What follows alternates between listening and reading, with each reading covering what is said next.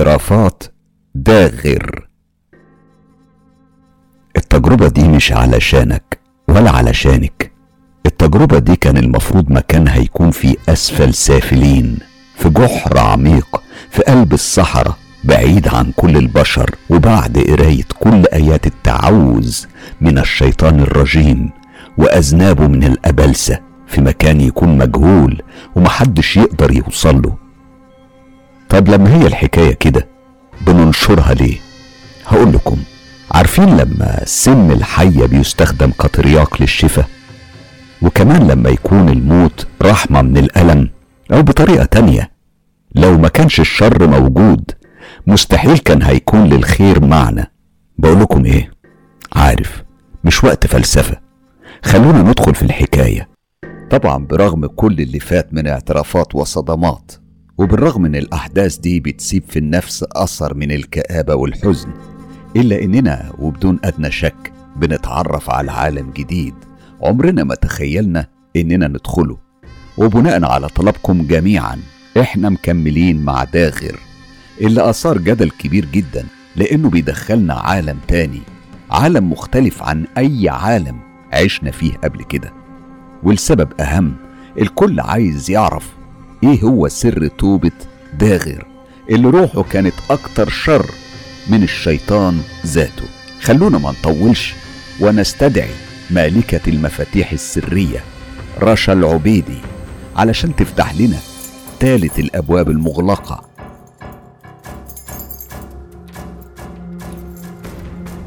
مش محتاجة أكرر كل حلقة. إن المحتوى ده للناس اللي قلبهم جامد واللي أكبر من 18 سنة.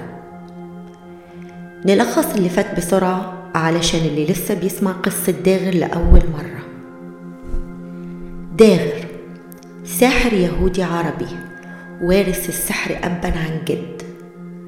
المشكلة مش هنا.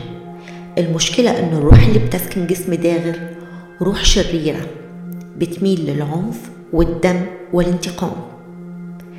بيعتبر أرواح كل الكائنات ما هي إلا قرابين للتقرب من الأبلسة والشياطين. وعن طريق الجنية اللي مرافقها سبب أذى لناس كتير وموت ناس كتير. ده غير الحيوانات اللي كان بيقدمهم قرابين ليها. لحد ما في يوم سمع عن عاصف الأسود وهو واحد من أخطر أجناس الجن الأحمر. وفعلا راح عمل طقوس تحضيره في قبر وعمل معاه عهد استعدادا لأخذ ختم إبليس نفسه. وبعد ما رجع من خلوة تحضير عاصف سمع بموت علا اللي كانت سبب لها في جنان بس هو كان عنده مشكلة وهي إنه عايز يجرب الشغل مع عاصف اللي كان بيسبب الأمراض. فاختار شاب من خيرة شباب المنطقة واللي كان مجند ساعتها وأهل الشارع بيعتبروه بطل. خلوني أنا كمان ما طولش عليكم وافتح الباب التالت. استنوا بس هو فين مفتاح الباب التالت؟ آه لقيته.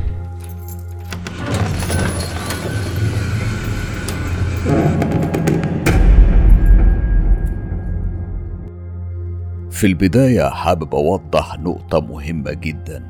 واضح إن كان في دجالين مسيطرين على أفكار بعض المتابعين. وعلشان كده أنا عملت تحدي الحلقة اللي فاتت ومن بعده في ناس كتير هربت وما حاولتش تظهر تاني. ليهم عذرهم طبعا. الناس دي بينضرب بيهم المثل في القوة لحد دلوقتي. أنا مش عارف ليه وإزاي الموضوع بالنسبة لي مضحك بصراحة. أيها السادة الهربانين من المواجهة أنا داغر بكرر التحدي مش بس للناس اللي متخيلين إنهم سحرة ولكن للناس اللي متخيلين إنهم بيمتلكوا الحقيقة. أنا حي أرزق سواء أنت شايف في نفسك إنك بتملك الحقيقة أو شايف نفسك ساحر بجد. وريني نفسك وتقدر تعمل إيه مع داغر يا جماعة الناس اللي بيدعوا إن قوتهم أكبر هربوا مني. وأعتقد إن ده أكبر دليل على إني الأقوى وبلا منازع. أنا كنت أقوى من المرضى يا سادة. اللي الناس اللي أنتوا بتدعوا قوتهم بيحلموا بس يتواصلوا معاهم. المهم أنا اختياري أعتقد إنه كان على الشخص المناسب للمرحلة دي وهو صفوان. زي ما قلت المنطقة كانت بتعتبره بطل وبصراحة هو كان رياضي جدا. اخترته ليه بقى؟ هو ده مربط الفرس. هو مش لازم يعمل لي حاجة علشان أختاره في تجربة زي بتاعة عاصف دي. هو مش أكتر من إن المرض هيبان عليه أكتر من غيره. وقوتي اللي كنت بستمدها من عاصف الأسود هتظهر جلية فيه. كانت مشكلتي الوحيدة هي إني أقدر أجيب له صورة أجيب له صورة وهي دي ما كانتش مشكلة أكتر منها مجازفة لإني لازم هجند حد يسرق لي صورة من عندهم.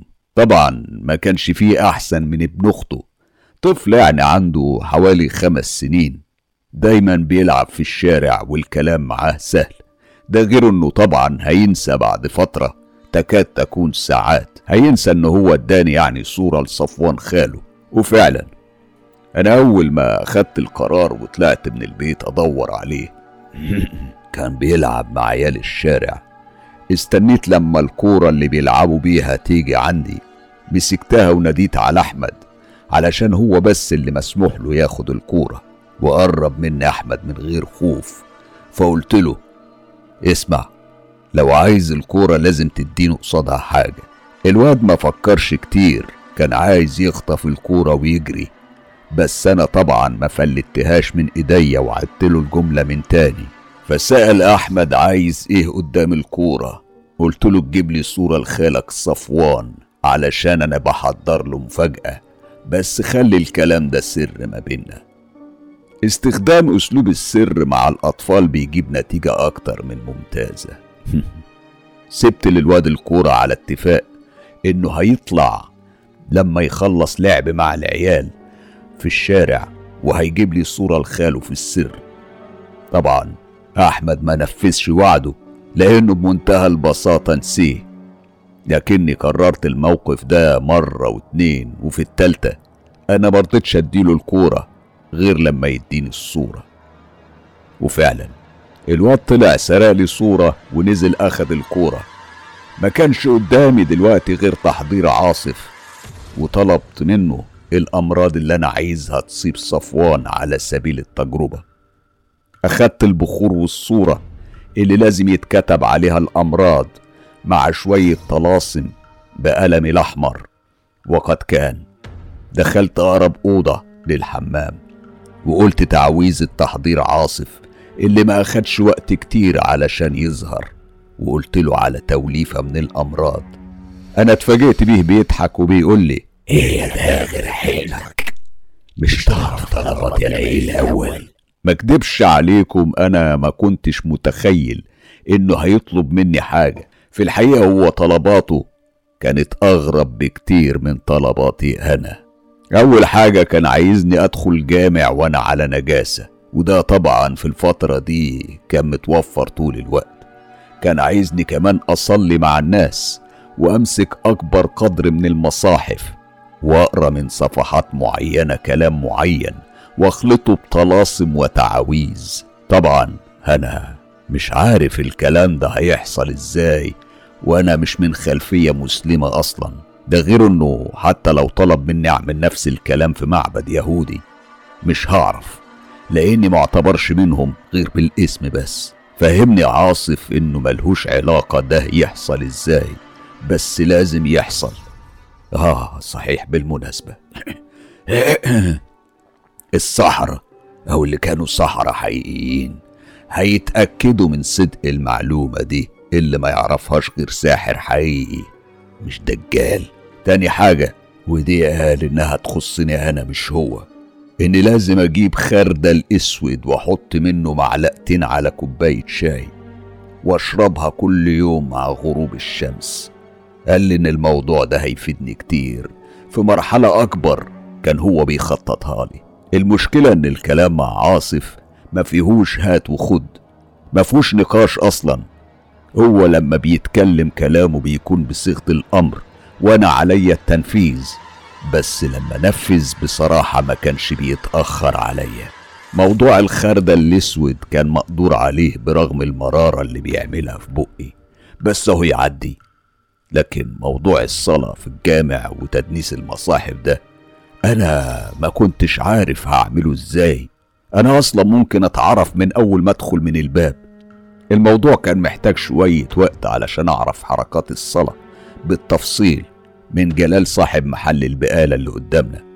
كان دايما بيصلي قدام المحل علشان محدش يدخله وعلشان الناس تعرف إنه بيصلي فيستنوه عقبال ما يخلص لو محتاجين حاجة. نوع يعني من أنواع عدم قطع الرزق يعني زي ما كان بيقول أنا من متابعتي ليه فهمت إنه بيعمل نفس الحركات كل ركعة. أنا حفظتها عن ظهر قلب وبذكائي أنا اخترت جامع على طريق السفر بين بلدين عندنا علشان لو عملت أي حاجة غلط ما بيعملهاش المسلمين. كان هيبقى عندي عذر إني على سفر ومش مركز. خلال مدة الدراسة في الصلاة الإسلامية وحفظ بعض المصطلحات اللي بيقولوها المسلمين كنت مواظب على شرب الخردة الأسود مع الشاي وقت غروب الشمس وكأنه معاد مع الموت نفسه لأن أي تهاون مع عاصف الأسود هيكلفني حياتي. ده غير إني كنت طمعان في المرحلة اللي بعد كده واللي قال لي عاصف إنها هتفيدني كتير. أنا دخلت الجامع وأنا بحاول أمثل الثبات قصاد نظرات المسلمين اللي تقريبا كانوا مستنيين ميعاد الصلاة. شكلهم كده يعرفوا بعض كويس في المنطقة دي. بس أنا كان عندي أسبابي القوية اللي هتبرر وجودي هنا. أنا قعدت زيهم على جنب وكان جنبي في رف عليه مصحف ومصاحف تانية كتير. مسكته فتحته حاولت أقرأ منه بس أنتوا عارفين أنا ما بعرفش أقرأ أساسا. يعني مش مفاجأة بس أنا كنت عارف حلها من أبويا.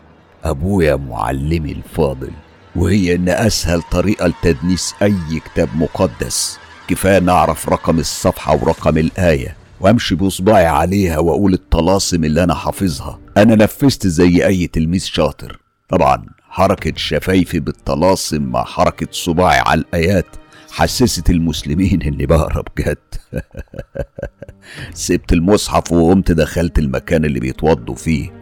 علشان أقدر أرجع تاني وأغير المصحف. الموضوع كان سهل قوي وقدرت أخلص المهمة. غيرت كذا مصحف قبل ما الأذان يأذن وبعده بتبدأ الصلاة. طبعا أنا حافظ الخطوات. صليت زي أي مسلم وأنا بحاول أطلع من بقي صوت الهمهمات المميزة لقراءة القرآن. وبعد الصلاة كان في شيخ وشه كان منور قوي بدقنه البيضة الطويلة. كان عامل كأنه لمبة بتطلع شعاع قوي قوي من النور على وشه وقال لي أنت شكلك مش من النواحي دي رديت بثبات. والله يا شيخ أنا على سفر. قلت ريح شوية في الجامع قبل الصلاة وبعدين أبقى أرجع أمسك الطريق من تاني. وهي فرصة الواحد يتبارك بيكم وينولوا شرف معرفتكم. الشيخ قعد يدعي لي إن ربنا يستر لي طريقي وأوصل لمكاني بالسلامة.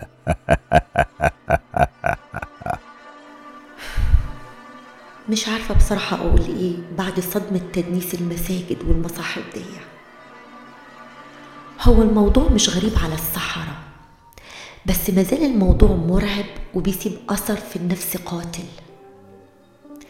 على العموم أكيد ربنا بيمحو ما قبل الإسلام. والحمد لله إن واحد زي داغر ربنا أنعم عليه بالهداية. تخيلوا إحنا في بينا كام داغر لسه ربنا ما نورش قلوبهم. وعلشان كده إحنا بنذيع قصص زي بتاع الداغر وغيره وغيره علشان نكتسب منها خبرات وناخد بالنا من تصرفات كتير ممكن تكون مش ملحوظة بس بتخفي أسرار مرعبة كتير.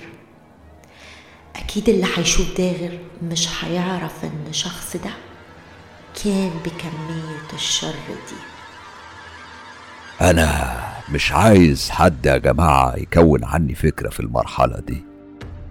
لازم تبقوا فاكرين إني للأسف في المرحلة دي كنت أشد الناس كفرا بالله لأن عمر ما حد قال لي إن ربنا موجود. أنا اتولدت على كده وكبرت وشبت على كده لكن أكيد أنا بلعن دلوقتي كل لحظة مرت عليا في الظلمات دي. بس والله مش بإيديا. أعتقد إن أغلب الناس بتطلع شبه أهلها. أنا يعني ما كنتش حالة نادرة. كل ما في الموضوع إني كنت عايز أبقى الأول في مجالي. بعد ما رجعت وحضرت عاصف تاني ما أكدبش عليكم كان مبهور بيا. وقالها لي بمنتهى الصراحة اللي أنا عملته ده بيخاف يعملوا خمسة وتمانين على الأقل في المية من الصحراء وما بيكملوش من المرحلة دي. وإن يعني أستاهل المرحلة اللي هو بيعدني ليها وإني كنت عند حسن ظنه. كمان قال لي إني بتمتع بذكاء شيطاني نادر. كلامه ده كان بيزودني حماس وفخر وكبرياء وغرور لكن في النهاية أنا كمان كنت عايز نتيجة والنتيجة هي التجربة اللي عايز أعملها على الواد صفوان. بعد ما نبه علي عاصف على موضوع الخردة الأسود وإني ما أقطعهوش ولا يوم لأنه هينقل حياتي كلها نقلة مش عادية. طلب مني نوع معين من البخور. الموضوع ما كانش سهل لسه وفهمني إن مش أي بخور والسلام. لازم أعرف هو بيحب إيه علشان يحضر وينفذ الخدمة. وباقي الطقوس من تعزيم اللي غير لي نص الكلام بتاعها تقريبا وطلاسم وكتابة على الصور وفي ظهرها. أنا برضو نفذت كل المطلوب واللي حفظته علشان هيبقى هو دستوري بعد كده. حضرت عاصف اللي المرة دي ظهر لي بزي مختلف عن أي مرة شفته فيها. وبشكل برضو أعتقد إنه كان مختلف عن شكله الأصلي. قال لي أعمل دايرة على أي مكان في الصورة وأكتب نوع المرض اللي عايزه يصيب المكان ده. في اللحظة دي بالذات أنا حسيت بقوة غير عادية. عارفين يعني إيه واحد بيتحكم في مصير بني آدم؟ بالذات لما تكون روح شريرة زي اللي أنا كنت عليها في الوقت ده. أنا عملت دايرة على البطن وكتبت ثقوب في المعدة ودمامل وخراريج في الكبد. عملت عملت دايرة على الصدر وكتبت ضيق في الشرايين وعلى الحنجرة كتبت ضيق في التنفس. أما الكتاف كتبت تيبس في العضلات وألم في الظهر وعلى عينيه كتبت ضعف في النظر. وأنا بكتب وبرغم عدم تأكدي من إن الأمراض دي كلها هتتحقق لكني كنت متأكد إن على الأقل مرض واحد أو اتنين منها كفيل إنه يخلص على حياته. في كام شهر على أحسن تقدير. أنا كنت شر أوي. أنا كنت شر أوي وبكره نفسي دلوقت. بسبب اللي عملته. لكن خلوني أقول لكم. خلوني أحكي وأطلع كل الشر اللي جوايا. خلوني أنضف مرة بقى في حياتي. كان لازم أطبق الصورة بشكل معين وألفها بطريقة معينة. وأدفنها في مكان يكون صعب الوصول ليه. وطبعا أنتم عارفين مكاني المفضل. أيوه الترب وبالمرة أقضي وقت لطيف مع الجساسة. بقالي فترة ما نمتش معاها. أخدت معايا قط من المقابر. وكان معايا السكينة والشمع موجود هناك والكبريت. دبحت القط أول ما نزلت التربة. وهنا ظهرت لي الجساسة. بشكلها البشع. لمت عليا كتير إني بتأخر عليها. وسالتني تحب تشوفني في جسم مين المرة دي؟ وهنا أنا اخترت شكل الجثة بتاعت البنت العذراء اللي مارست معاها المرة اللي فاتت وشفت قدامي الجساسة وهي بتتحول من مسخ لملاك طاهر بريء. خلصنا وكالعادة اتعمدت إنها تدنس العمل زيادة أكتر ما هو مدنس ونزلنا السائل عليه ودفنته. ورجعت البيت علشان استنى سبع أيام كاملة على ما سمعت أول خبر يخص صفوان. نزل أجازة مفاجأة من الجيش لأنه كان بيرجع كتل من الدم. دكتور الجيش قال له احتمال يكون في حاجة اسمها قرحة في المعدة. هي اللي مسببة الدم ده وإنه لازم يعمل حاجة اسمها منظار على المعدة. صفوان عمل المنظار اللي أكد إن عنده قرح في المعدة. وقال إنه كمان محتاج يعمل عملية تانية ياخد فيها عينة من الكبد اللي تبين إن عنده فيها مرض نادر بيسبب لها تعفن وتليف وبعد حوالي شهر من العمليات. والعلاج المتواصل بدأت تجيله خنقة. بقى مش قادر ياخد نفسه لدرجة إنه بقى عايش على جهاز التنفس الصناعي. في الحقيقة حالة صفوان كانت بتتدهور بشكل غير عادي. أنا نفسي كنت متفاجئ منها. لكم أن تتخيلوا إنه رجع من الجيش على البيت وخرج منه على المستشفى وبعدين مرجعش البيت تاني. حوالي شهرين الدكاترة مش عارفين إيه اللي حصل له. وحصل له إزاي؟ برغم إنه في الكشف الدوري في الجيش كان بيطلع من أقوى العساكر صحيا وبدنيا. ومات صفوان. مات تحت مسمى مرض نادر من غير اسم. أنا عارف يا جماعة إن اللي بحكيه ده صعب عليكم جدا لكن والله العظيم أصعب عليا منكم. أنا كداغر بتمنى يرجع بيا الزمن وأبقى واحد تاني خالص غير الشخص اللعين ده اللي كان اسمه داغر وقتها. بتمنى إني أبدل روحي بروح حد من الناس اللي أذيتهم يمكن ربكم وربي يغفر لي. أنا دلوقتي ولا عاصي ولا خاطئ زي ما الناس متخيلة إنما أنا لسه شخص قوي واللي بحس منه بالتعالي أنا لازم أتعامل معاه بتعالي أكبر. أنا كنت أكتر غرور من إبليس نفسه وأنا عاصي. هل قوتي هتقل وأنا مع رب العالمين وفي معيته؟ أتمنى تسمعوني للآخر. يمكن يمكن أقدر أفيد حد يكون محتاج يعرف طريق الهداية. وكمان يمكن يكون كلامي هيفتح عيون الناس على هالة القداسة اللي بيحوطوا بيها الصحراء. الصحراء اللي بجد مش الدجالين اللي متخيلين إنهم أقوى مني. أنت مين علشان تبقى أقوى من داغر؟ أظن رسالتي واصلة لك وسامعني. شايفك قاعد بترتعش في مكانك. شايفك خايف ومذعور زي الفار. قال إيه؟ ساحر تائب. ما أكدبش عليكم. أنا ساعتها ما كنتش لسه شايل أي مشاعر ناحية البشر أو غيرهم. أي كائن حي عموما. صفوان اتخلق علشان يكون قربان وروحه يتغذى عليها واحد زي عاصف الأسود. عدى على الموضوع ده سنتين وأنا وعاصف بنلعب بأرواح الناس وكل واحد على حسب شكله. كنت خلاص قربت. قربت أمل لأبعد الحدود.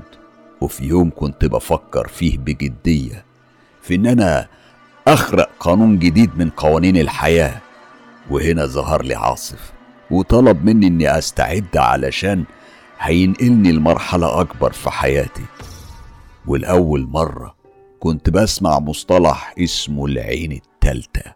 أيوه هو فهمني إنه هيفتح عندي الرؤية وهشوف كل حاجة على سطح الأرض وتحت سطح الأرض كمان. بيني وبينكم الموضوع ده جدد حماسي لكنه ما رواش عطش الحاجات محددة. هحكي لكم عليها بعدين. الشروط كانت زي ما هتسمعوها. لازم دايما أكون مش طاهر وأعمل كالعادة خلوة ورياضة. إحنا شرحنا ده قبل كده وهي إن أنا ما أكلش أي حاجة فيها روح. وأنا غالبا بكتفي بالعيش الحاف. بس المرة دي مش أكتر من تلات أيام. وزي ما أنتم عارفين لازم تكون الخلوة في مغارة أو حاجة قريبة من كده. مفيش بخور ولا فيش تعاويذ. مفيش أي تعاويذ حماية ولا تعاويذ صرف.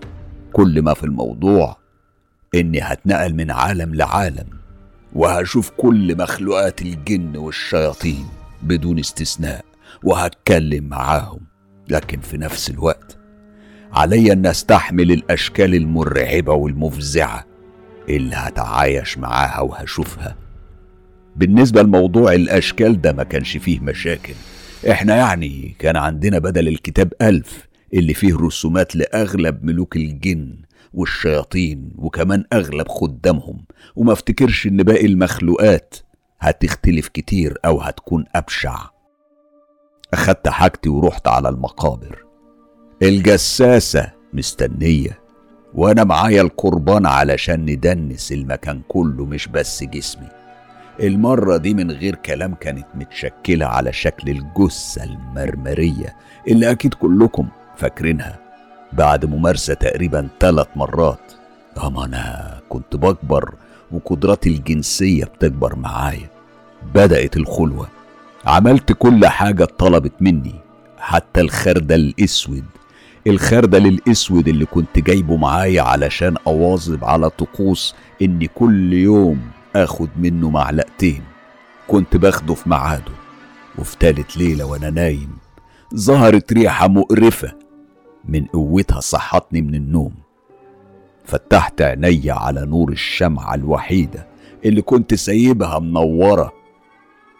وهنا أنا شفت بعينيا اللي ما تخيلتش أبدا. إني ممكن أعيش وأشوفه. ظهر قدامي غول بيمضغ حاجة في بقه وهو ساكت تماما. جسمه قريب من الجسم البشري بجسم غير متناسق. رجليه قصيرة وما عندهوش صوابع. بطنه كبيرة جدا ملهوش رقبة. شكله كده أقرب لقفا الخنزير مغطيه شعر كثيف خشن. ريحته كأنها لحمة جثة بتتحلل كل يوم من ألف سنة ودانه مطموسة موجود مكانهم خروم دائرية كأنها حفر واصلة للمخ لو افترضنا إن عنده مخ.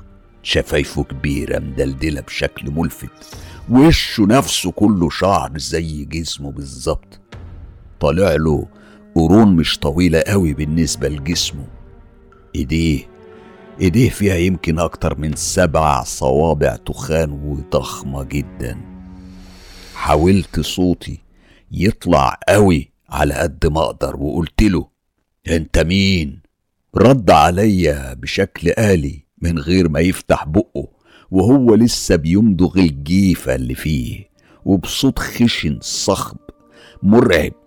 أنا خادم بوابات العالم السفلي. طلبت فتح العين التالتة وأتمنى أكون مش مستعد علشان روحك تكون ملك حكام العالم السفلي.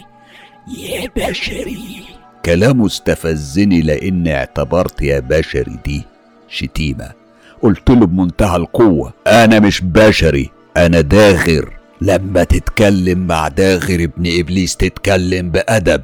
أنت مجرد خادم تنفذ أوامري من غير كلام كتير.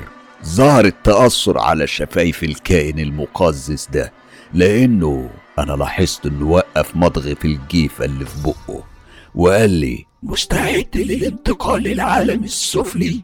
أنا قلت له إني مش هتحرك من مكاني غير لما تقول لي يا سيدي داغر. وصدقني لو ده ما حصلش هيكون انتقامي منك عظيم. حسيت إنه وطى راسه في الأرض وهو بيقول انت مستعد للانتقال للعالم الآخر سيدي داغر. حركت راسي من غير ما اتكلم وفجأة ضرب برجليه الأرض اتشقت. حسيت بجسمي بيقع في الهاوية في الوقت اللي اختفى هو فيه. الدنيا كانت بتتغير حواليا الصخور اللي كانت بتحوطني بالكامل وكأني في دوامة من طين. لكون مفتوح بالتدريج. في ثواني كنت واقف على أرض تانية مش بتاعتنا. مش عارف إزاي ده حصل لدرجة إني تخيلت كل اللي فات ده كان حلم. لمست جسمي. كان هو جسمي المادي المعروف مش روح بس.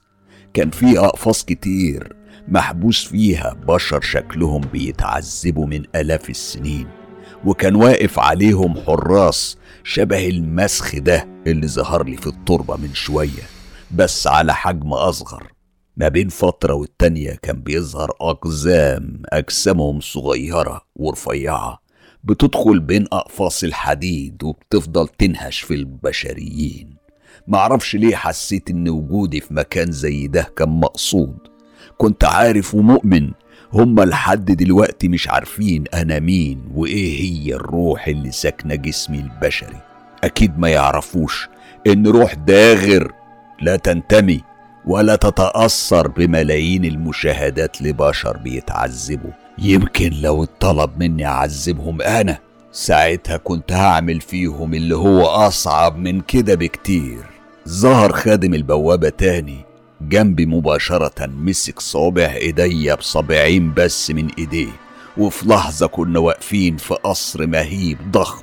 أنا بخبرة الفقير أعتقد إن الحيطان معمولة من زمرد أو ياقوت. عرش من أحجار مستحيل تكون من عالمنا بالمرة. أحجار بتشع نور تخليك مش قادر تشوف اللي قاعد على العرش من شدتها. أنوار بألوان مختلفة. أعتقد ده بكل شكل من الأشكال مش ممكن يكون غير عرش إبليس. في كلام بلغة كنت أعرف منها قليل هي لغة الجن بس الغريب إني كنت عارف وفاهم كل كلمة بتتقال واللي اختصارها إني بقيت جاهز لكشف العين التالتة وفتح الحاجز ما بيني وبين الجن والشياطين من سكان العالم العلوي والسفلي كمان. وكمان أقدر أشوف كل اللي موجود في بطن الأرض من كنوز ورصد.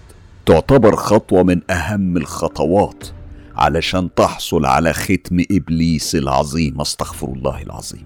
بيني وبينكم عمر الكنوز ما كانت هدفي. أنا ما بنتميش للعالم المادي الفاني.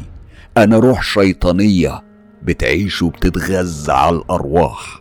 مش مهم إيه نوع الروح المهم إن فيه أرواح تهدر من أجل داغر زي ما بتهدر من أجل إبليس والملوك العظام من الجن والشياطين. يا جماعة كل اللي بيحصل ده في الفترة اللي داغر فيها كان ساحر. والروح اللي هو بيتكلم عليها مش هي نفس الروح المسلمة اللي هو بيحكي بيها الكلام ده. علشان نكون واضحين. فمش عايزين نكون حكم مسبق على شخصية داغر اللي لجأ لينا علشان يحكي كل أسرار العالم الآخر بمحض إرادته وفي خفاء عن الأنظار. يعني لا هو عايز شهرة ولا أي استفادة مادية من القصة بالكامل. يمكن حتى بيطرح تحدي لكل ساحر شايف إنه يقدر يوصل لجزء من قدرات داغر ويحاول يعمل معاه أي حاجة تكاد لا تذكر علشان يوضح لنا قد إيه السحرة والمشعوذين أضعف من العبد المؤمن التائب لوجه الله تعالى. قبل ما أحاول أفتح بقي ضرب عينيا نور قوي جدا جايز يكون جاي من صولجان. اضطريت إني أغمض عينيا جامد. لما فتحتهم لقيت نفسي رجعت التربة تاني. أكيد اللي أنا فيه ده ما كانش حلم وعايزين تعرفوا ليه هقول لكم. لأن دلوقتي كنت شايف كل سكان المقابر من جن وقرناء بيتحركوا قدام عينيا. حياة مليانة بالتفاصيل المثيرة. عكس ما التراب بتظهر فاضية للعين البشرية لكنها في الأصل مليانة كائنات على كل شكل ولون من مكاني قلت تعويذة استحضار عاصف ولما ظهر قلت له إني كنت متوقع حاجة أكبر من كده ممكن هو يقدمها لي. بيني وبينكم أنا خلال السنين اللي فاتوا كنت بفكر بشكل أكتر واقعية في النفس البشرية. ووصلت لشيء مهم جدا هيقلب حياتي وهيخليني من أهم ممارسين السحر في العالم كله ويمكن الأشهر في الوطن العربي.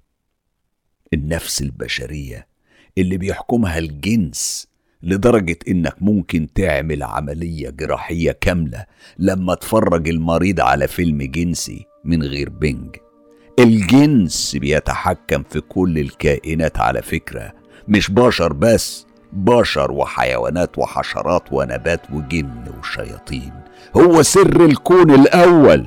ياما سمعنا عن ملوك وأمراء وخبراء في الحروب خسروها علشان خاطر ممارسة الجنس مع أي واحدة. فيبقى الحل الوحيد إني أملك ما لا يملكه غيري بخصوص الموضوع ده. بحكم إن عاصف معايا وإنه لا يستهان به في العالم الآخر. طلبت منه إني أمتلك شهوات البشر مش لازم شهوة الجن والشياطين. كفاية عليا بني آدم. حسيت إن عاصف عارف سكته كويس لتحقيق الهدف ده. ومع ذلك ظهر عليه عدم الرضا وكأنه بيقول لنفسه إن قوتي بتزيد يوم عن يوم وإن أنا بسعى لاحتلال مكان لم يصل له حد من الأولين. ده بالنسبة لأي حد شيء مرعب لكن بالرغم كل ده أنا بيني وبين عاصف عهد دم. صعب إنه يتنقض عرفني سكة طلبي وعرفني أجيبها منين وإزاي وفهمت منه إني لازم أعمل عهد مع بنت إبليس العاهرة. سديم. ودي ليها تأثير مباشر على إثارة الشهوة عند الستات وهي هتعرفني الطريق.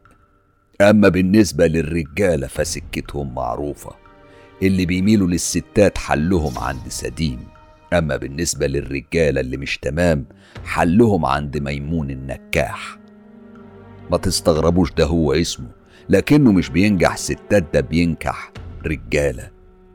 أنا في الفترة دي ما كانش هدفي غير الستات لأنها كانت هي اللي بتتحكم في مصيرها ومصير الرجالة ده غير إنهم هدف ليا أنا كمان طريقة تحضير سديم دي كانت إيه بقى؟ بصراحة كانت من أسهل طرق التحضير لكنها من أصعب الشروط للخدمة إن لم تكن الأصعب على الإطلاق لأن تحضيرها بيكون في الحمام بنطق اسمها مع ملامسة مكان في الجسم. أنا مش هقول هو إيه طبعا وتحت رجليك. وكفاية كده أنا مش هقول تفاصيل أكتر. المهم حضرت سديم وكانت حرية من حريات البحر. بتظهر عريانة تماما لون بشرتها أبيض وردي شعرها أحمر كستنائي حاجة كده بتنور في الضلمة. أنا مش هوصف أكتر من كده. المهم إنك تكون موافق على العهد معاها من أول تدنيس الكتاب إياه. سألتني أطلب إيه؟ تقريبا متوقعة إني عايز علاقة معاها. هو أنا كنت كنت عايز كده فعلا بس الهدف الأسمى في الوقت ده هو التحكم في شهوة الستات. ما تفاجئتش سديم من طلبي يمكن لأنها عاهرة وقالت بس أنت مش هتقدر تنفذ الشروط. طبعا أنا ما كانش عندي أي مشاكل بالمرة إني أعمل أي حاجة في المقابل وأقنعتها إني هقبل كل الشروط مهما كانت. سديم طلبت مني أغمض عينيا. غمضت وحسيت بروحي بتطلع من جسمي بتطير لأقصى جنوب البلاد. بتعدي بين جبلين لونهم يكاد يكون أسود في وضح النهار. شكلهم مميز قوي ومن وراهم تلة لونها بني محمر. ومن بعدهم كان فيه جبل كبير دخلت فيه كان فيه مغارة تكاد لا تكون مرئية. بابها مش أكتر من شق في جدار الجبل وفي تحت الأرض دي في المغارة دي. صندوق اسود شكله غريب جدا. عليه اتنين من الرصد واحد منهم جن عادي بس واضح إنه له مركز ورتبة عندهم. والتاني نارد شكله مرعب. قالت لي بمنتهى البساطة الفارس مهرة واحدة من إخواتك. هتاخد حاجة من قطرها وتدفنها مكان الصندوق ومن ساعتها هي هتبقى ليا. وأبوك نفسه مش هيقدر يعالجها. ده لو هي جات لها الجرأة تقول له إنها مرافقة جن. أما المارد المارد بقى هو أصعب شوية من الفارس. المارد علشان يفك الرصد محتاج روح. برغم إن تفكيري كان في إخواتي البنات وأي واحدة منهم هختار. ما هو الوصول للهدف اللي أنا عايزه لازم له ضحايا لأن الهدف أكبر بكتير من الإخوات والأم والأب نفسه. وأنا كنت عند وعدي لازم أعمل أي حاجة وكل حاجة علشان أوصل لمبتغايا قلت لها بالنسبة للقربان امره سهل. أنا ياما قدمت قرابين. ضحكت باستخفاف على كلامي وقالت لي لا يا داغر. ما هو القربان مش هيكون حيوان. القربان هيكون بشري. كانت صدمة بالنسبة لي بصراحة. أنا ممكن أوهب روح حد وأعمل عمل لحد أمرضه أو أجننه لحد ما يموت. إنما أقتل بإيديا مباشرة. شخص بشري ما حصلتش. بس بيني وبينكم ما كانتش هتفرق كتير. أنا لسه مضحي بواحدة من إخواتي. القربان هيكون أغلى منها يعني. بصراحة في الفترة دي ما كانش فيه أغلى مني. أغلى من داغر. بس كل ده أنا ما فهمتش. هو الصندوق ده فيه إيه؟ قالت لي إن الصندوق ده فيه حاجة اسمها رحم. عفراء بنت ملك الجن الأزرق. هو في الحقيقة داغر استخدم لفظ مختلف عن رحم بس أنا طبعا علشان نقدر نذيع الحلقة خليته رحم. ده كلام وليد جمال. المادة دي عبارة عن حاجة شبه الجل أو الكريم. بيتحط جزء يعني ممكن نقول جرام على أي عطر رجالي. لما الست بتشمه بيثير شهوتها لأقصى درجة وممكن يفقدها صوابها. وتطلب من الراجل يعمل معاها علاقة عرفتوا بقى أنا بسعى لإيه؟ تفتكروا هبة زي دي ممكن يغلى عليها أختي أو شخص تاني كقربان؟ أنتوا عارفين أنا ممكن أعمل إيه بالعطر ده؟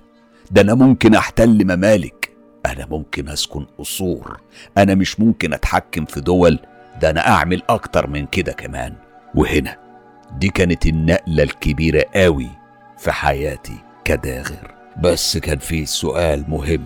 الحاجة اللي مسميها رحم عفراء ده هيخلص في وقت من الأوقات وأنا بالتأكيد مش هقف. هي فهمتني إن ساعتها هستحضرها وميزة العين التالتة. هنكشف عن مكان جديد فيه صندوق تاني وهقدم قرابين من تاني وكله بتمنه. كان آخر طلب ليا إني طبعا مش هسيبها تمشي كده. دي كانت منورة الحمام. عملنا علاقة في الحمام كانت من أمتع المرات اللي عملتها في حياتي. ويظهر إن الجساسة بتقضي واجب نداء الطبيعة وبس. إنما الممارسة مع عاهرات الجن كانت أفخم وأروع. الخبرة برضه بتحكم. تاني يوم بلغت أبويا إن هغيب عن البيت كام يوم علشان عندي خلوة لازم تتعمل في الجنوب. ودخلت أوضة إخواتي البنات سرقت منها حاجة من الملابس الداخلية. أنا ما كنتش عارف لمين وما كانش يهمني. وخرجت بكيس بلاستيك فيه كام رغيف عيش مع القطر المطلوب وشوية بخور وشمع وسكينة كبيرة. في الوقت ده التواجد الأمني ما كانش بكفاءة زي الأيام دي خالص. كان عادي يعني تسافر بره البلد نفسها بسلاح لو عايز. ركبت قطر وكم مواصلة ووصلت لأبعد مكان في الجنوب. وأنا هناك كان لازم أصطاد ضحية بشرية. مش محتاج أقول لكم إن غالبا الجنوب في كل البلدان العربية مهمش. يمكن كمان مش بس البلدان العربية تقريبا في أغلب أنحاء العالم. وده بيديك فرصة تلاقي مجاذيب كتير في الشارع. الحكومات ما بيهمهاش. ده غير بس هو اللي بيهمه. كان لازم اشتري حلويات علشان أقدر اخلي واحد من المجاذيب دول يجي معايا. والأحسن يعني يكون معايا سندوتشات وحلويات علشان أقدر أوعده بالأكتر في المكان اللي هنوصل له. ما عندكمش فكرة. اصطياد ضحية بشرية أصعب بكتير قوي من الضحية الحيوانية. دايما بتلاقي حد عينه عليه. في محطة القطر كان فيه مجاذيب كتير في منهم الحقيقي ومنهم اللي بيدعي للتسول. وأنا كان لازم كان لازم أصطاد الشخص المناسب. أكتر من خمس ساعات في المحطة كان الليل دخل. عبال ما لقيت الشخص المناسب اللي العين غفلت من عليها وأقنعته فعلا إنه يجي معايا. وقد كان وبرغم إنه رغاي وإني كنت هقتله أكتر من ألف مرة في الطريق قبل ما نوصل بس كان لازم أصبر. عتمة الليل كانت مخوفة المجذوب وأنا كمان ما كنتش مركز على مكان المغارة فاضطريت أكشف مكانها بالعين التالتة. المكان كذا مرة وفي آخر مرة واللي كنا على بعد كام خطوة من مدخل المغارة. حس بوجودي المارد. حسيت إن الصحراء والجبال مطلعة عليا صهد. كأني أنا نفسي دخلت جوه فرن. كنت خايف القربان يضيع. وقتها مسكته من رقبة الهدوم. أنا من توتري كان شبه هيتخنق. شوفوا بقى أنا كوليد مش هقدر أكمل أكتر من كده النهاردة. أحداث بشعة. وقصة بتسيب في النفس أثر مؤلم قوي. وبالرغم إن أنا واثق وعارف إن ده غرتاب إلا إن الأحداث صعبة قوي على أي نفس بشرية سوية. سامحوني.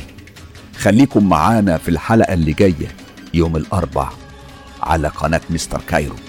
علشان نكمل قصة العطر اللي استخدمه داغر علشان يسيطر على الستات. ودلوقتي مع الفقرة المفضلة لكتير من متابعي قناة مستر كايرو. أول تعليق معايا النهاردة من نبيل حليم بيقول إحنا أبناء قناة مستر كايرو. بشكرك صديقي العزيز نبيل حليم.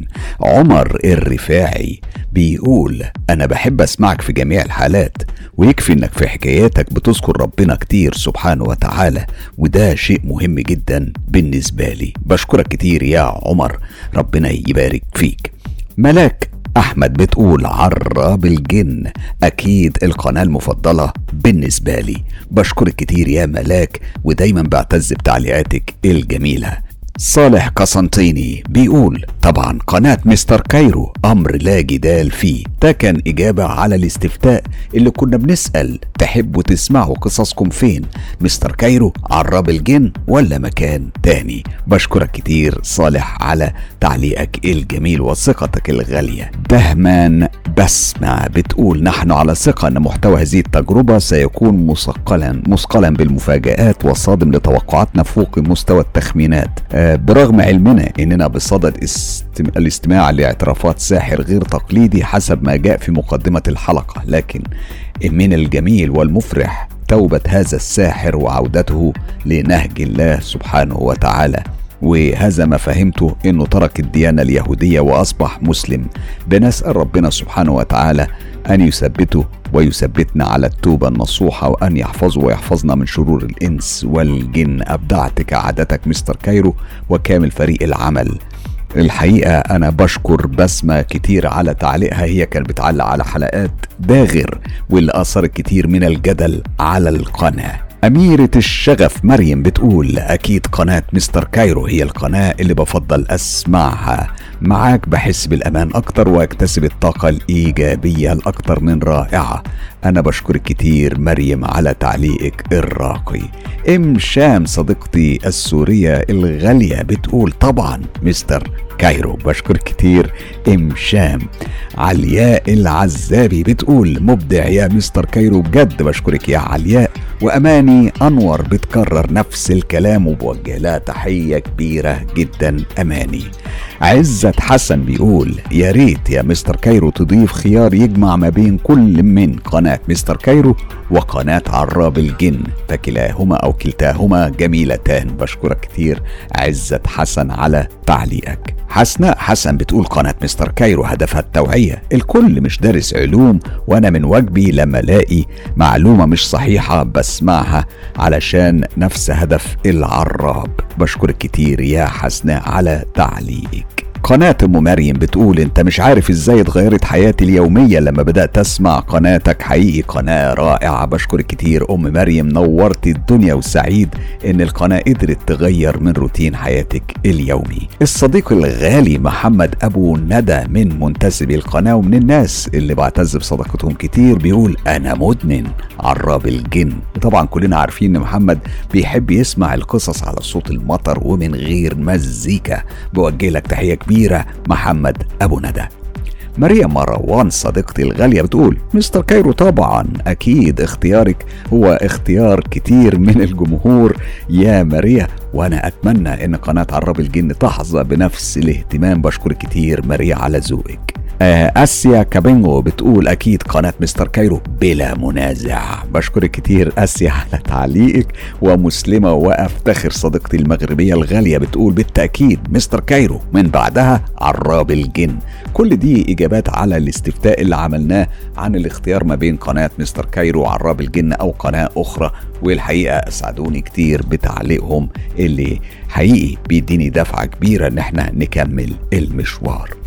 رشا محمود صديقتي الغالية وزوجها العزيز وليد بتقول والله العظيم يا مستر كايرو في ناس آه ترعب عن الجن. وأنا متفق معاك يا رشا فعلا في بشر بيرعبوا أكتر من الجن وبيعملوا حاجات أسوأ من الجن كمان. بشكرك كتير رشا نورت الدنيا كلها. ماجد بيقول مبدع وأقسم بالله. بشكرك يا ماجد على تعليقك الجميل. رانيا محمد بتقول بعيدا عن أسلوبك الممتع كالعادة يا أستاذ حسام بس القصة دي تحس إنها مستوحاة من فيلم البيضة والحجر بتاع أحمد زكي. هي بتتكلم على قصة ماء الجن واللي أعادت صياغتها رحاب آه، حميد أو رحاب رورو واللي الحقيقة أحداثها كانت مثيرة للغاية. لو ما كنتوش سمعتوها هتلاقوها موجودة في قائمة آه، الحلقات اللي بتذاع على صوت المزيكا والمطر. ماء الجن. زوبة بتقول على حلقات داغر الحقيقة يعني ممنوع لما هو أقل من 40 سنة ويمكن أكبر من 40 سنة كمان. وأنا متفق معاك يا زوبة. الحقيقة والحلقة الأولى تحديدا كانت شديدة قوي كانت صعبة. تعليق ياسر زهران الصديق الغالي واللي غاوي رعب بجد بيقول يا ترى عامة الناس اللي بتسمع القصص عارفة الفرق ما بين الشيخ والروحاني والدجال والمشعوذ والساحر؟ ناس كتير بتسمع إن فلان دجال أو فلان مشعوذ أو معالج لكن الفرق في المسميات خاصة الدجل والشعوذة ما يعرفوش الفرق ما بينهم. ياسر هستنى منك تعليق توضح لنا فيه الفروق دي كلها وأنا هحكيه من خلال القصص. بشكرك كتير ياسر زهران. حيدر الكعبي بيقول البحر واتكلم يا وحش المرعبين. هو هنا بيرد على السؤال لما قلنا تحبوا المؤثرات اللي تكون مرتبطة بالقصة تكون إيه مطر ولا بحر ولا آه صوت حطب بيحترق في النار وهو اختار أمواج البحر. بشكرك كتير حيدر ووصلت رسالتك. مدام خان بتقول وإيه؟ يلا بينا إحنا بانتظارك يا عربنا الجامد والمميز كالعادة مع كل الحصريات. الحصريات كتير يا مدام خان وقريب جدا هتسمعوا حاجات أغرب من الخيال.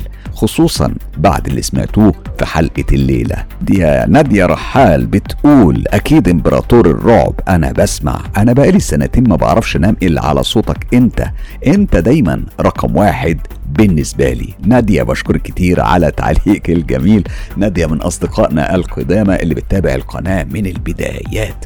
وسعيد جدا بأنها لسه معانا وبتسمع قصصنا. بشكرك كتير نادية. النون أو محمد صديقي الغالي بيقول إحنا رابطين الأحزمة وفي انتظار الرحلة بقيادة العراب. أنا بشكرك كتير يا محمد على ثقتك الغالية وبتمنى دايما نكون عند حسن ظنكم. AX173 فيجا بيقول الأسبوع ده مر عليا زي السنة وأنا مستني الحلقة الجديدة من داغر معلش صديقي المحترم قريب جدا. هنحاول ننزل تجميعة بكل حلقات داغر بحيث تسمعوها كلها وان شوت من غير ما يكون في تقطيع ومن غير آه وقفات وقفلات. تقعدوا تستنوا أسبوع كامل. بشكرك كتير على اهتمامك صديقي الغالي عبد الله. فاتن من العراق صديقتي الغالية بتقول لا يا أستاذ حسام أنا قلبي جامد وما بخافش. طيب نشوف يا فاتن لما تسمعي حلقة يوم الأربع ده من داغر. هتخافي ولا مش هتخافي؟ أنا نفسي وأنا بسجل كنت مرعوب فأنا أتوقع إنك لازم هتخافي. بشكرك كتير يا فاتن على تعليقك. ليون بيقول رعب قوي جدا. هو فعلا رعب قوي جدا. دايما بتلاقوه مع مستر كايرو وقت اللزوم بيظهر وبتحسوه من خلال حلقات يوم السبت والاثنين والأربع ودي مواعيد إذاعتنا السبتة. سبت واثنين وأربع على قناة مستر كايرو حد تلات وخميس على قناة عرب الجن. محمد مناع من أصدقائي الغاليين اللي دايما بعتز بكل تعليقاته وخصوصا ان محمد من أصدقائنا القدامى واللي شارك معانا بأكتر من تجربة في الماضي. هو بيقول على قصة داغر أنا لا سمعت ولا هسمع حاجة بالقسوة دي. بس كل اللي أقدر أقوله ربنا يثبتك على التوبة ويغفر لك ويغفر لنا كل ذنوبنا ويكملها لعلها تكون موعظة لكل من تسوي له نفسه أو ملك الدنيا يعني يغريه ويكون مع الشيطان. ثبتك الله ثبتك الله ثبتك الله. بشكرك كتير محمد مناع. وأنا واثق إن داغر بيقرأ تعليقاتكم كمان وأكيد كل الرسائل اللي بتبعتوها بيكون مطلع عليها وأكيد ده ممكن يعني يثبته على إيمانه وعلى توبته بشكرك كتير جدا. أحمد الروش بيقول أروح عند المطر أظن هناك الجو أهدى. ولا داغر ولا وليد جمال اللي بيقطع المزاج. يا ريتني ما جيت. هو بيتكلم على داغر وزعلان من وليد عشان قطع الحلقة في المنطقة دي. بس وليد ملوش ذنب. هي الحلقات كده لازم آه، تتقطع علشان نعرف نكملها الأسبوع اللي بعده. لأن مستحيل هنحكي قصة حياة داغر اللي من 13 لحد سن 40 في حلقة أو في اتنين أكيد هتاخد حلقات وحلقات. بشكرك كتير أحمد الروش ام أم الغزالة العربية صديقتي الجزائرية الغالية بتتكلم برضو على داغر. واضح إن داغر عامل انقلاب في القناة. بتقول ربنا ينتقم منك يا جدع. قال إيه أنا داغر؟ يا أخي تلهي حسبي الله ونعم الوكيل. لا حول ولا قوة إلا بالله. ربنا أكبر منك ومن أشباهك. أنا بشكرك يا أم الغزالة العربية ما تنسيش إن داغر تاب. يعني الموضوع أصبح مختلف لكن أنا متأكد إن كل كلامك موجه لداغر ما قبل التوبة. فأنا بشكرك على تعليقك. أم الغزالة العربية دايما بتسعدينا بتفاعلك وبكل التعليقات الجميلة اللي دايما بتكتبيها لنا على القناة. جيجي بتقول أكتر قصص اللي بحبها هي اللي بتحكي تجارب الصحراء. بالتوفيه أروع قناة. إحنا ما عندناش أكتر من قصص الصحراء لأن إحنا عاملين زي المغناطيس بالنسبة لهم. دايما تلاقوا السحرة بيجوا عندنا. لا إما يتوبوا لا إما يحاولوا يجيبوا زباين جداد من الجمهور. لكن دايما إحنا في قناة مستر كايرو بننزل تحذير بعدم التعامل معاهم. يعني اللي هم جايين علشانه مش هيلاقوه. إلا التائبين منهم. بشكرك كتير يا جيجي. سارة بتقول شكرا ليك يا مستر كايرو. قصصك لما أسمعها بعرف إن الخير دايما بينتصر بالنهاية والإنسان مهما غلط أو أذنب بيرجع لخالقه ندمان. ودي حقيقة يا سارة أغلب البشر ما بقولش كل البشر أغلب البشر لما بيغلطوا دايما بيرجعوا لربنا سبحانه وتعالى. وهي دي جمال التوبة جمال الروح الحلوة جمال الاستسلام للخالق.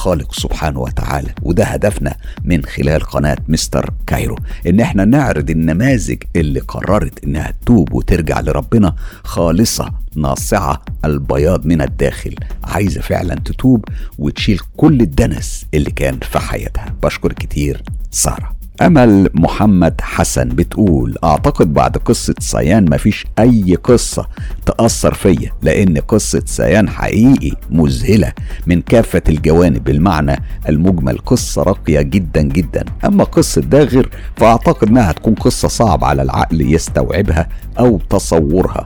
هي فعلا أنا معاك يا أمل. هي القصة صعب تصورها صعب تصور إن الإنسان والنفس البشرية ممكن تنزل لهذا الدرك الأسفل فعلا.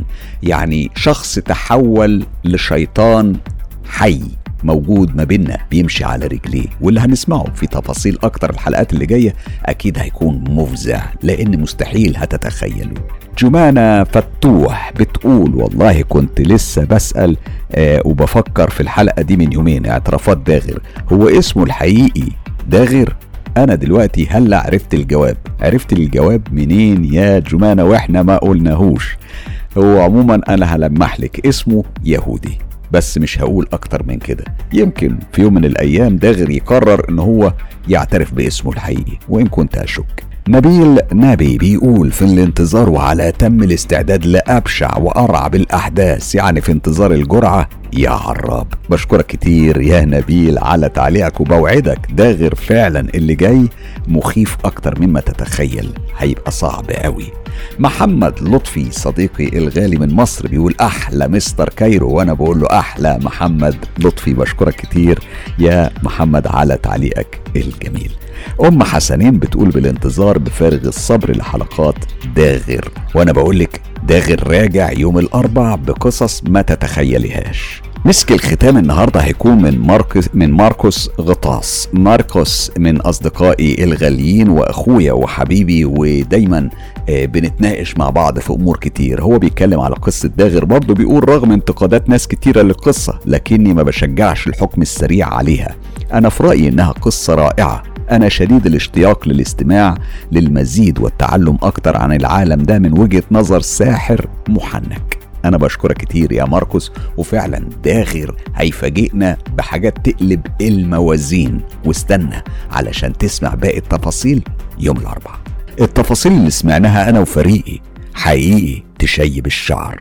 مش عارف أنتوا حابين تكملوا الحكاية ولا نكتفي بهذا القدر. هستنى تعليقاتكم لكن خلوني أفكركم إن إحنا هنا على قناة مستر كايرو بندعوكم للاشتراك في قناة عراب الجن ودي قناتنا التانية اللي بتسمعوا فيها المحتوى من غير مزيكا ولا مؤثرات. يعني بتسمعوه على أصوات مواد من الطبيعة أصوات مطر رياح أمواج حتى لو صوت قطر جاي من بعيد. ده هيكون هو أقصى ما هتسمعوه مرافق لصوت العراب. لو حابين الأجواء دي علشان تسمعوا قصص رعب حقيقية للنوم تعالوا على قناة عراب الجن. الرابط هنا فوق على أقصى اليمين هتشوفوه دلوقتي وفي نهاية الفيديو ده هتلاقوا رابط للقناة وكمان هتلاقوه في أول تعليق ده غير إنه موجود في خانة الوصف. دلوقتي قولوا لي بقى ليه تشترك في قناة مستر كايرو؟ علشان توصلك آخر المعلومات اللي ممكن تفيدك. وتحميك من عالم السحر والسحرة وكمان علشان تكون ملم بعالم الجن والعوالم الغامضة اللي بتشاركنا حياتنا. وعلى فكرة الكلام ده مش بس على قناة مستر كايرو لا كمان على قناتنا التوأم قناة عرب الجن. فلو عندكم تجارب حقيقية وحصلت بالفعل ليكم أو لحد من أصحابكم وحابين تشاركوا بيها أصدقاء مستر كايرو ابعتوا التجارب دي على الصفحة الرسمية للإعلامي حسام مصباح على موقع التواصل الاجتماعي فيسبوك. كمان في طريقة أسهل ممكن تبعتوا التجارب على تطبيق تليجرام كل الروابط دي هتلاقوها موجودة في خانة الوصف وفي أول تعليق زي ما بنعمل كل مرة. لكن لو المسائل دي كلها صعبة بالنسبة لك سهلة جدا. ادخل على قناتنا على اليوتيوب واكتب comment في أي مكان في أي فيديو. قول يا admin أنا حابب أشارك بقصة. هيتواصلوا معاك فورا وهتعرف من خلال التواصل ده طرق توصيل القصة لينا. قولوا لي بقى للحصول على كل الحصريات هتعملوا إيه؟ انضموا ل group عراب الجن على فيسبوك ده من خلال ال group أو من خلال صفحة عراب الجن على فيسبوك. أما بقى لو حابب تدعم تجربة مستر كايرو الدعم سهل جدا. ادعمنا بالاشتراك في القناة والإعجاب بالكليب. طبعا لو عجبكم وممكن كمان أكتر وأكتر تنتسبوا للقناة. لكن اللي أهم من كل ده share الكليب في كل مكان واتساب ماسنجر إنستجرام وأخيرا يوتيوب. عارف ليه؟ علشان تخلي الدنيا كلها تعيش تجربة مستر كايرو. قناة مستر كايرو اللي مش هتسمعوه في مكان تاني. اعترافات الساحر داغر